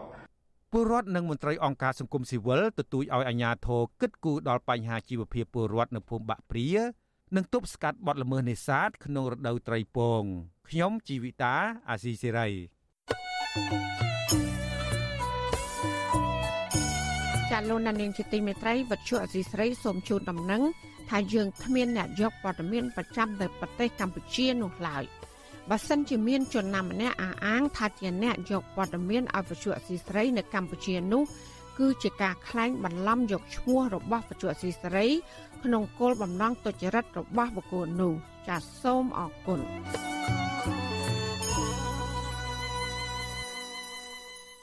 ចាលោកនានីជាទីមេត្រីកសិករ3ខេត្តផ្សេងផ្សេងគ្នាអំពាវនាវអមន្ត្រីកសិកម្មរបស់រដ្ឋាភិបាលថ្មីយកចិត្តទុកដាក់និងចោះជួយធ្វើការងារដល់កសិករនៅតាមមូលដ្ឋានដោយសារតែកាលពីអាណត្តិចាស់មន្ត្រីទាំងនោះនៅតែក្នុងការិយាល័យចំណែកសង្គមស៊ីវិលវិញលើកទឹកចិត្តឲ្យមន្ត្រីកសិកម្មទាំងនោះយកចិត្តទុកដាក់ជួយដោះស្រាយបញ្ហាកសិករជាជាងគ្រាន់តែចង់បានទូនាទីមិនធ្វើអ្វីសោះ ចាអ្នកស្រីសុជីវីរាយការណ៍ពុស្ដាជំនាញព័ត៌មាននេះប្រជាកសិករនៅតាមបណ្ដាខេត្តចំនួន3គឺខេត្តកណ្ដាលខេត្តសៀមរាបនិងខេត្តត្បូងឃ្មុំលើកឡើងស្រដៀងគ្នាថាកន្លងទៅ មន្ត្រីកសិកម្មរបស់ក្រសួងកសិកម្មរុក្ខាប្រមាញ់និងនេសាទមិនបានយកចិត្តទុកដាក់ចុះជួយកសិករនោះទេ ពួកគេថាភ ieck ច្រើនមន្ត្រីទាំងនោះអង្គុយធ្វើការនៅតែក្នុងការិយាល័យប៉ុណ្ណោះ កសិករម្នាក់នៅស្រុកកោះធំខេត្តកណ្ដាលលោកស្រីសែមភៀតអូនតែប្រាប់វិទ្យុអាស៊ីសេរីនៅថ្ងៃទី20ខែកញ្ញាថា ចំពោះលោកស្រីបញ្ហាចម្បងនោះគឺតម្លៃជីថ្នាំបាញ់សម្លាប់សត្វល្អិតនិងប្រេងឥន្ធនៈបានហក់ឡើងខ្ពស់ធ្វើឲ្យពលរដ្ឋមួយចំនួនធំមិនអាចលក់បានប្រាក់ចំណេញសងបំណុលបើទោះបីជាតម្លៃស្រូវឆ្នាំនេះមានតម្លៃថ្លៃជាងឆ្នាំមុនក៏ដោយកសិករវ័យ50ឆ្នាំរូបនេះបន្ថែមថាធ្វើស្រែជាង20ឆ្នាំមកហើយ មិនដែលឃើញមន្ត្រីកសិកម្មចុះមកជួយគិតគូរនិងបង្រៀនអំពីបច្ចេកទេសកសិកម្មថែទាំដំណាំកសិផលរបស់កសិករម្ដងណាឡើយថ្ងៃនេះអត់មានរដ្ឋាភិបាលណាអឺខាងសួងកសិកម្មអីណាគាត់ចុះមកសួរថាឥឡូវបងអើយត្រូវដាំនេះដាំនោះហើយត្រូវលក់ដាច់មិនដាច់ហើយត្រូវខាតចំណេញគឺអត់មានហ្មងចង់បានឲ្យរដ្ឋាភិបាលកសិកម្មតាមឃុំបានឃុំហ្នឹងគាត់ព្រោះសំខាន់ប្រធានឃុំហើយនឹង គណៈឃុំហ្នឹងឯងដែលគាត់ដឹងសុខទុក្ខប្រជាពលរដ្ឋដែលនៅក្នុងស្រុកគាត់ពិបាកគាត់ចង់ធ្វើអីធ្វើអីឲ្យគាត់ចុះណែនាំអញ្ចឹងណាកសិករវ័យ40ឆ្នាំម្នាក់ទៀតរស់នៅស្រុកវ៉ារិនខេត្តសៀមរាបលោកមូលម៉ៃរៀបរាប់ឲ្យដឹងដែរថាកន្លងទៅអ្នកភូមិប្រកបមុខរបរធ្វើកសិកម្មដាំដំឡូងមី និងធ្វើស្រូវដើម្បីផ្គត់ផ្គង់ជីវភាពគ្រួសារដោយសារតែពួកគេមិនអាចរកប្រាក់ចំណេញពីការដាំដុះនេះ លោកថាមានគ្រួសារខ្លះបង្ខំកូនឲ្យឈប់រៀនរួចទៅធ្វើការនៅក្រៅប្រទេសលោកបន្ថែមថាអ្នកភូមិរបស់លោកប្រសិនបើមានមន្ត្រីជំនាញយកចិត្តទុកដាក់ជួយស្វែងរកទីផ្សារនិងជួយបង្ហាត់មករៀនពីការដាំដុះនៅផលដំណាំផ្សេងៗពួកគេនឹងមិនអាចបោះបង់ប្រពន្ធកូនរត់ទៅរកស៊ីនៅស្រុកគេនោះទេ តែគេជួបវិបត្តិច្រើនបងជួបវិបត្តិរត់តំណាក់ស្រុកច្រើនជិតបំណុលច្រើននេះនេះចូល3 4ថាបានជិតបំណុលបាទឥឡូវគិតមិនដឹងថាមកពីពួកគាត់មិនដឹងថាមកពីអាញាធរទេណាបំណុលគឺចិត្តច្រើនថាបានហើយការប្រកបកិច្ចផលគាត់គាត់អត់ទៅអត់ទៅអត់ទៅបានផលច្រើនវាគាត់ធ្វើទៅធ្វើទៅលងមីហើយនឹងស្រូវស្រូវធ្វើមករដូវម្ដងហើយដល់ពេលបច្ចុប្បន្ននេះគាត់ចិត្តតំណាក់ស្រុកទៅច្រើនទៅស្កាត់ភូមិរីឯកសិកររស់នៅជាប់ព្រំដែនកម្ពុជាវៀតណាមនៅក្នុងខេត្តត្បូងឃ្មុំ ដែលជាកសិករដាំដំឡូងគឺលោកផុនសុភីបលោកឲ្យដឹងថាបច្ចុប្បន្នដំណាំដំឡូងកំពុងមានជំងឺជាច្រើនប្រភេទក្រុមកសិករពិបាកនឹងមើលថែបើទោះបីជាពួកគេបានបាញ់ថ្នាំព្យាបាលហើយក្តីពួកគេរំពឹងថារដ្ឋាភិបាលថ្មីនឹងមានមន្ត្រីជំនាញពិតប្រាកដចុះជួយដល់ពួកគេលោកបន្ថែមថាកន្លងមកសូម្បីតែឈ្មោះមន្ត្រីកសិកម្មដែលចាំជួយកសិករនៅតំបន់នោះក៏ពួកគេមិនស្គាល់ផង ចំណែកឯតម្លៃទីផ្សារវិញឈ្មួញវៀតណាមក្រឡុកឡើងចុះតាមតែអំពើចិត្ត ទីផ្សារដល់ពេលយើងលក់ទៅវាអត់ទៀងទេស្រួលវាត្រូវបញ្ចុះយើងបញ្ចុះភ្លាមហ្មងក្នុងមួយម៉ោងហ្នឹងស្រួលបញ្ចុះភ្លាមអញ្ចឹងយើងកសិករដូចពិបាកវាអត់តម្លៃដូចវាអត់នឹងណោអូថាយើងស៊ូគេប្រហែល300ស្រួលយើងដករួចឡើងលើឡានដឹកទៅដល់វាថាគេចង់ចុះមុននឹងបន្តិចវៀតណាមវាថាអញ្ចឹងទៅធ្វើមិនគេហើយយើងទៅដឹកលក់ឯណាទៀតក៏ដោយទេប្រាប់គ្នាវាហើយពួកហ្នឹងគឺវាមានបណ្ដាញគេអញ្ចឹងវាពិបាកទៅនោះទៀតកាន់តែចុះបន្ថែមទៀត ក្រុមកសិករស្នើរដ្ឋាភិបាលថ្មីយកចិត្តទុកដាក់ទៅលើកសិករដោយបញ្ជូនមន្ត្រីជំនាញបច្ចេកទេសកសិកម្មពិតប្រាកដមកជួយបង្ហាត់បង្រៀននិងជួយស្វែងរកទីផ្សារឲ្យបានសមរម្យដើម្បីជៀសវាងកុំឲ្យប្រជាពលរដ្ឋនាំគ្នាចំណាក់ស្រុកទៅរកការងារធ្វើនៅក្រៅប្រទេសទាំងប្រឈមនឹងហានិភ័យខ្ពស់ជុំវិញរឿងនេះវិទ្យុអាស៊ីសេរីមិនអាចតាក់ទងแนะនាំពាក្យក្រសួងកសិកម្មកញ្ញាអមរជនានិងលោកខឹមហ្វីណង់ ដើម្បីសុំការឆ្លើយតបបានទេ នៅថ្ងៃទី20ខែកញ្ញាតើទៅនឹងបញ្ហានេះប្រធានសមាគមសម្ព័ន្ធកសិករកម្ពុជា លោកថេងសាវឿនដែលតែងតែចោះជួបនិងជួយបង្រៀនបច្ចេកទេសកសិកម្មដល់កសិករយល់ឃើញថាថ្មីថ្មីនេះរដ្ឋាភិបាលបានដាក់ចេញនូវគោលនយោបាយមួយដោយបញ្ជូនមន្ត្រីជំនាញកសិកម្មចោះជួយពលរដ្ឋនៅតាមឃុំរួចហើយក្តីប៉ុន្តែលោកនៅតែលើកទឹកចិត្តទៅដល់មន្ត្រីជំនាញកសិកម្មរបស់ក្រសួងថាត្រូវចោះជួយកសិករឲ្យបានពិតប្រាកដ មិនត្រូវយកតំណែងឬក៏តួនាទីជាមន្ត្រីហើយមិនធ្វើការដោះស្រាយជូនពលរដ្ឋនោះទេបើសិនជាមន្ត្រីនឹងដាក់ទៅត្រឹមត្រូវមានលក្ខខណ្ឌគ្រប់គ្រាន់វាទទួលបានផល ហើយជួយនឹងស្វែងបញ្ហាប្រជាជនគឺទទួលបានផលប្រយោជន៍ក៏ប៉ុន្តែបើមន្ត្រីដែលដាក់ពង្រាយគាត់នៅចង់បានទូនទីមុខតំណែងការងារប៉ុន្តែមិនអាចដោះស្រាយបាននោះជំរុញឲ្យវាសារភាពនៃការដោះស្រាយបញ្ហារបស់ប្រជាពលរដ្ឋនៅដដែលអញ្ចឹងយុទ្ធសាស្ត្រនៃការដោះស្រាយវានឹងអាចកាន់តែបង្កើតឲ្យមានភាពកសកម្មហើយឬក៏បង្កើនឲ្យមានភាពមិនទុកចិត្តរបស់ប្រជាពលរដ្ឋទៅលើមន្ត្រីកសិកម្មកាលពីពេលដែលរដ្ឋមន្ត្រីក្រសួងកសិកម្មលោកដិតទីណាឡើងកាន់តំណែង លោកបានបដិញ្ញាចិត្តថានឹងធ្វើឲ្យកសិករមានជីវភាពធូរធារតាមរយៈដំឡើងតម្លៃកសិផល និងបញ្ចុះតម្លៃជីថ្នាំនិងសម្ភារៈឲ្យបានសមរម្យដើម្បីឲ្យកសិករទទួលបានផលចំណេញច្រើនប៉ុន្តែរយៈពេល1ឆ្នាំកន្លងមកនេះការបដិញ្ញាចិត្តរបស់លោកនៅមិនទាន់ឃើញចេញជាផ្លែផ្កាដែលអាចជួយការលំបាករបស់ពលរដ្ឋនោះបាននៅឡើយទេនាងខ្ញុំសុជីវីវិទ្យុអាស៊ីសេរីពីរដ្ឋធានី Washington ចាលោកដានីជាទីមេត្រីក្នុងឱកាសនេះដែរនាងខ្ញុំសូមថ្លែងអំណរគុណដល់លោកដានីកញ្ញាទាំងអស់ដែលតែងតែមានភក្ដីភាពចំពោះការផ្សាយរបស់យើងហើយចាត់ទុកការស្ដាប់វិទ្យុអសីសេរីគឺជាផ្នែកមួយនៃសកម្មភាពប្រចាំថ្ងៃរបស់លោកអ្នកការគ្រប់គ្រងរបស់លោកដានីងនេះហើយដែលធ្វើយើងខ្ញុំមានទឹកចិត្តកាន់តែខ្លាំងថែមទៀតក្នុងការស្វែងរកនិងផ្តល់ព័ត៌មានជូនដល់លោកដានីង ចាំមានអ្នកស្ដាប់អ្នកទេសនាកាន់តែច្រើនកាន់តែធ្វើយើងខ្ញុំមានភាពស្វាហាប់មោះមុតជាបន្តទៀតចាយើងខ្ញុំសូមអរគុណទុកជាមុនហើយក៏សូមអញ្ជើញលោកដានៀងកញ្ញាចូលរួមជំរុញឲ្យសកម្មភាពផ្ដល់ព័ត៌មានរបស់យើងនេះកាន់តែជោគជ័យបន្ថែមទៀតលោកដានៀងអាចជួយយើងខ្ញុំបានដោយគ្រាន់តែចុចចែករំលែកឬ share ការផ្សាយរបស់យើងនេះ នៅលើបណ្ដាញសង្គម Facebook និង YouTube ទៅកាន់មិត្តភ័ក្តិដើម្បីឲ្យការផ្សាយរបស់យើងនេះបានទៅដល់មនុស្សកាន់តែច្រើនចាសសូមអរគុណចាលោកនានីជាទីមេត្រីការបង្កបរិយាកាសអំណោយផលមានសារៈសំខាន់ក្នុងការតេទៀងវិនិយោគិនមកបោះទុនរកស៊ីហើយនឹងព្យាទេសចរមកទស្សនានៅប្រទេសកម្ពុជាតើរដ្ឋាភិបាលអាណត្តិថ្មីគួរធ្វើអ្វីខ្លះ ដើម្បីផ្ដល់ទំនុកចិត្តដល់វិនិយោគិនហើយនឹងភ្ញៀវទេសចរចាលោកជួនជំនាញមានរបាយការណ៍មួយជូនលោកដានៀងស្ដាប់ដូចតទៅបន្ទាប់ពីឡើងកាន់តំណែងបន្តពីឪពុកមួយខែកន្លងមកនេះនាយករដ្ឋមន្ត្រីកម្ពុជាលោកហ៊ុនម៉ាណែតបានបញ្ចប់ទស្សនកិច្ចក្រៅប្រទេសចំនួន2លើកមកហើយ ដោយលើកទី1ទៅចូលរួមកិច្ចប្រជុំកម្ពុជាអាស៊ាននៅទីក្រុងសាកាតាប្រទេសឥណ្ឌូនេស៊ីនិងដំណើរទស្សនកិច្ចផ្លូវការទៅប្រទេសចិនដែលបានបញ្ចប់កាលពីថ្ងៃទី17កញ្ញាកន្លងទៅនេះក្រៅពីការផ្សព្វផ្សាយយ៉ាងទូលំទូលាយពីជោគជ័យនៃដំណើរទស្សនកិច្ចក្រៅប្រទេសលោកហ៊ុនម៉ាណែតក៏បានអួតអាងពីជោគជ័យនេះនៅក្នុងជំនួបជាមួយកម្មកររាប់ម៉ឺននាក់នៅខេត្តកំពង់ស្ពឺក្រោយកិច្ច ប្រជុំកម្ពុជាអាស៊ាននៅនឹងនៅខេត្តតាកែវនៅថ្ងៃទី19ខែកញ្ញាក្រោយពីទស្សនកិច្ចនៅប្រទេសចិនការតាក់ទាញអ្នកវិនិយោគឬដើរតាក់មួយការផ្សព្វផ្សាយពីទេសចរដោយបានចុះកិច្ចព្រមព្រៀងបង្កើនជើងហោះហើរជាដើមគឺសុទ្ធសឹងតែជាជោគជ័យដែលលោកនាយរដ្ឋមន្ត្រីហ៊ុនម៉ាណែតបានថ្លែងប្រាប់ដល់កម្មកររាប់ម៉ឺននាក់ ដោយលោកថែមទាំងលើកទឹកចិត្តថ្នាក់ដឹកនាំខេត្តឲ្យបន្តតាក់មួយមកវិនិយោគតាមខេត្តទៀតផងគឺដើរតាក់មួយក្នុងរយៈពេលនេះការជួបគ្នាបន្ថែមទៅលើការបញ្ចេញចំហនយោបាយការទូតនៅក្នុងក្របខ័ណ្ឌពហុភាគីក្នុងក្របខ័ណ្ឌទ្វេភាគីឬត្រីភាគីក៏បានចូលរួមនៅក្នុងកម្មវិធីផ្សេងកម្មវិធីវិស័យឯកជនកម្មវិធីជាស័ក្តិស័យនៅក្នុងការចុះហត្ថលេខាទំនាក់ទំនងរវាងក្រសួងកសិកម្មយើងជាមួយកសិកម្មឥណ្ឌូនេស៊ីការចុះ គេថា MOU របស់យើងជាមួយ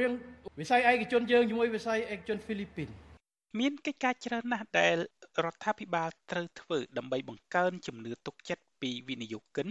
ឬភ្ញៀវទេសចរដែលក្នុងនោះមិនត្រូវមើលរំលងឡើយពីការស្ដារលទ្ធិប្រជាធិបតេយ្យការគោរពសិទ្ធិសេរីភាពពលរដ្ឋការបង្ក្រាបនិងលុបបំបាត់ការជួញដូរមនុស្សអំពើឆបោកការបំបត្តិអំពើពុករលួយ និងការគោរពគោលការណ៍នីតិរដ្ឋជាដើមការបំបត្តិសម្លេងប្រឆាំងដោយរំលាយគណៈបកប្រឆាំងដ៏ធំព្រមទាំងចាប់មេដឹកនាំគណៈបកនេះដាក់ពន្ធនាគារ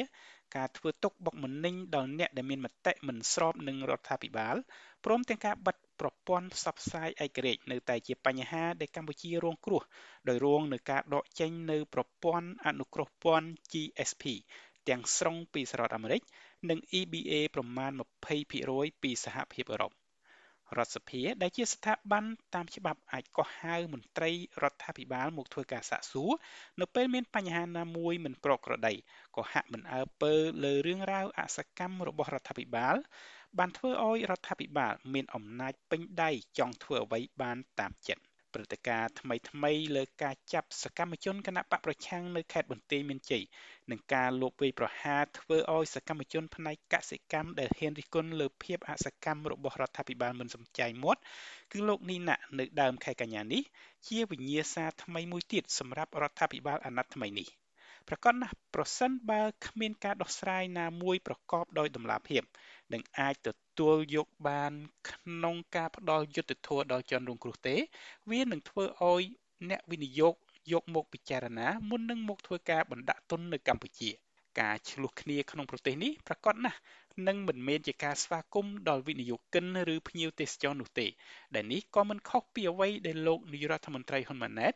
បានថ្លែងណែនាំពេលលោកជួបកម្មករនៅខេត្តតាកែវនៅព្រឹកថ្ងៃទី19កញ្ញានេះថា ក្នុងគ្រួសារត្រូវតែល្អនឹងគ្នាដើម្បីឲ្យញាតរាប់អានការជួញដូរមនុស្សនិងអំពើឆបោកដែលកំពុងកើតមាននៅកម្ពុជាក៏ជាចំណុចមួយទៀតដែលមិនគួរមើលរំលងឡើយ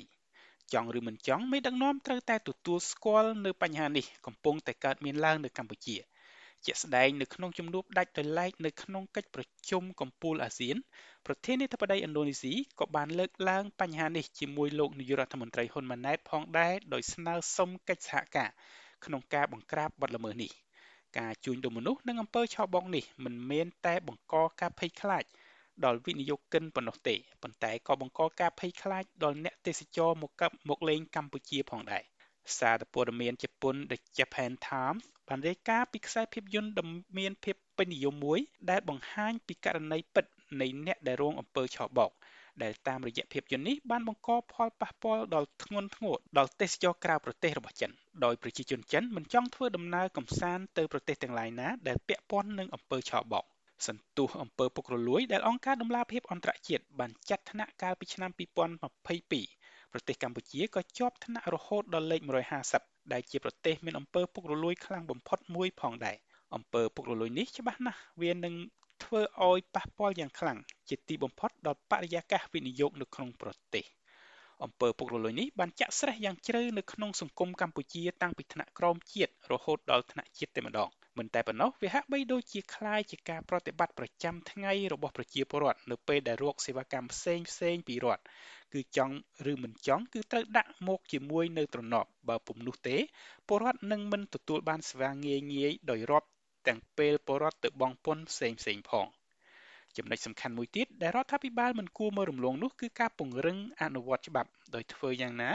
ពលរដ្ឋគ្រប់រូបត្រូវស្ថិត នៅក្រោមនឹងស្មើភាពចំពោះមុខច្បាប់ទាំងអស់គ្នាមានអំពើអយុត្តិធម៌ក្នុងសង្គមច្រើនណាស់ដែលបានកើតមានឡើងក្រោមការដឹកនាំរបស់រដ្ឋាភិបាលដែលដឹកនាំដោយអតីតនាយករដ្ឋមន្ត្រីហ៊ុនសែនកាលពីអាណត្តិមុនមុនជាក់ស្ដែងដោយករណីលោកអុកញ៉ាថោងសារ៉ាត់ដែលជាប់ពាក់ព័ន្ធនឹងការសម្លាប់មនុស្សឬអុកញ៉ាគិតខៀងដែលជាបងប្រុសរបស់អ្នកអុកញ៉ាគិតម៉េង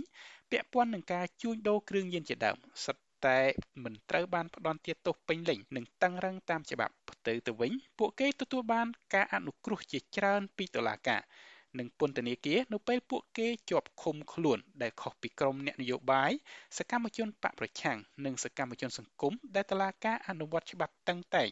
និងគ្មានការអនុគ្រោះកំថាឡើយលោកនាយរដ្ឋមន្ត្រីហ៊ុនម៉ាណែតខំបង្កើតគណៈកម្មការចំពោះកិច្ចឬខំប្រឹងប្រែងតាក់មួយដោយខ្លួនលោកយ៉ាងណាក៏ដោយ ក៏វិនិយោគិនឬភ្ញៀវទេសចរនៅតែខ្លាចរអាក្នុងការមកបណ្ដាក់ទុននៅកម្ពុជាដែរប្រសិនបើរដ្ឋាភិបាលមិនខិតខំដោះស្រាយលើវិបត្តិនយោបាយអំពើពុករលួយអំពើឆោបោកនិងយុត្តិធម៌សង្គមនោះទេខ្ញុំជួនជំនាញវិទ្យុអេស៊ីសេរី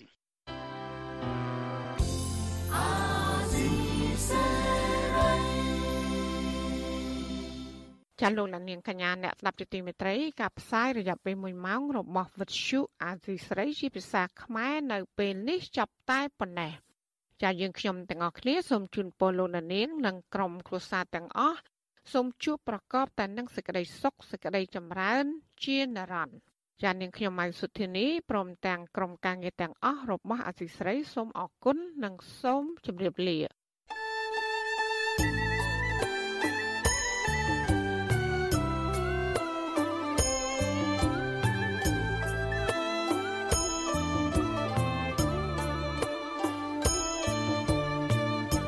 វិទ្យុអាស៊ីសេរីផ្សាយតាមរលក ធាតុអាកាសខ្លីតាមកម្រិត និងកម្ពស់ដូចតទៅនេះ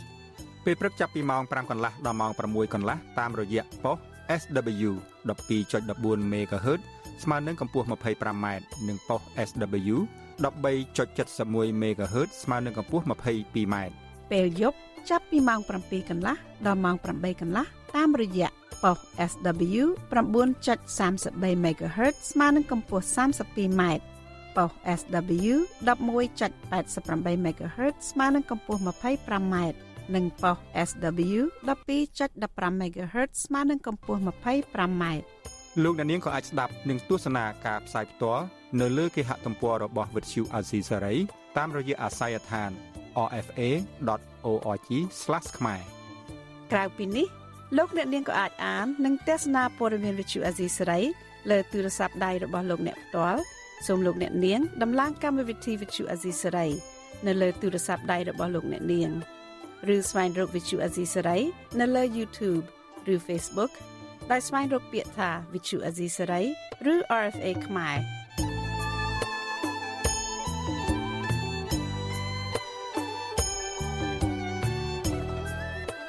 សូមលោកអ្នកនាងចុច like follow និងចុច subscribe ដើម្បីទទួលបានព័ត៌មានថ្មីៗទាន់ហេតុការណ៍ និងទស្សនាវីដេអូផ្សេងៗទៀតបានគ្រប់ពេលវេលា។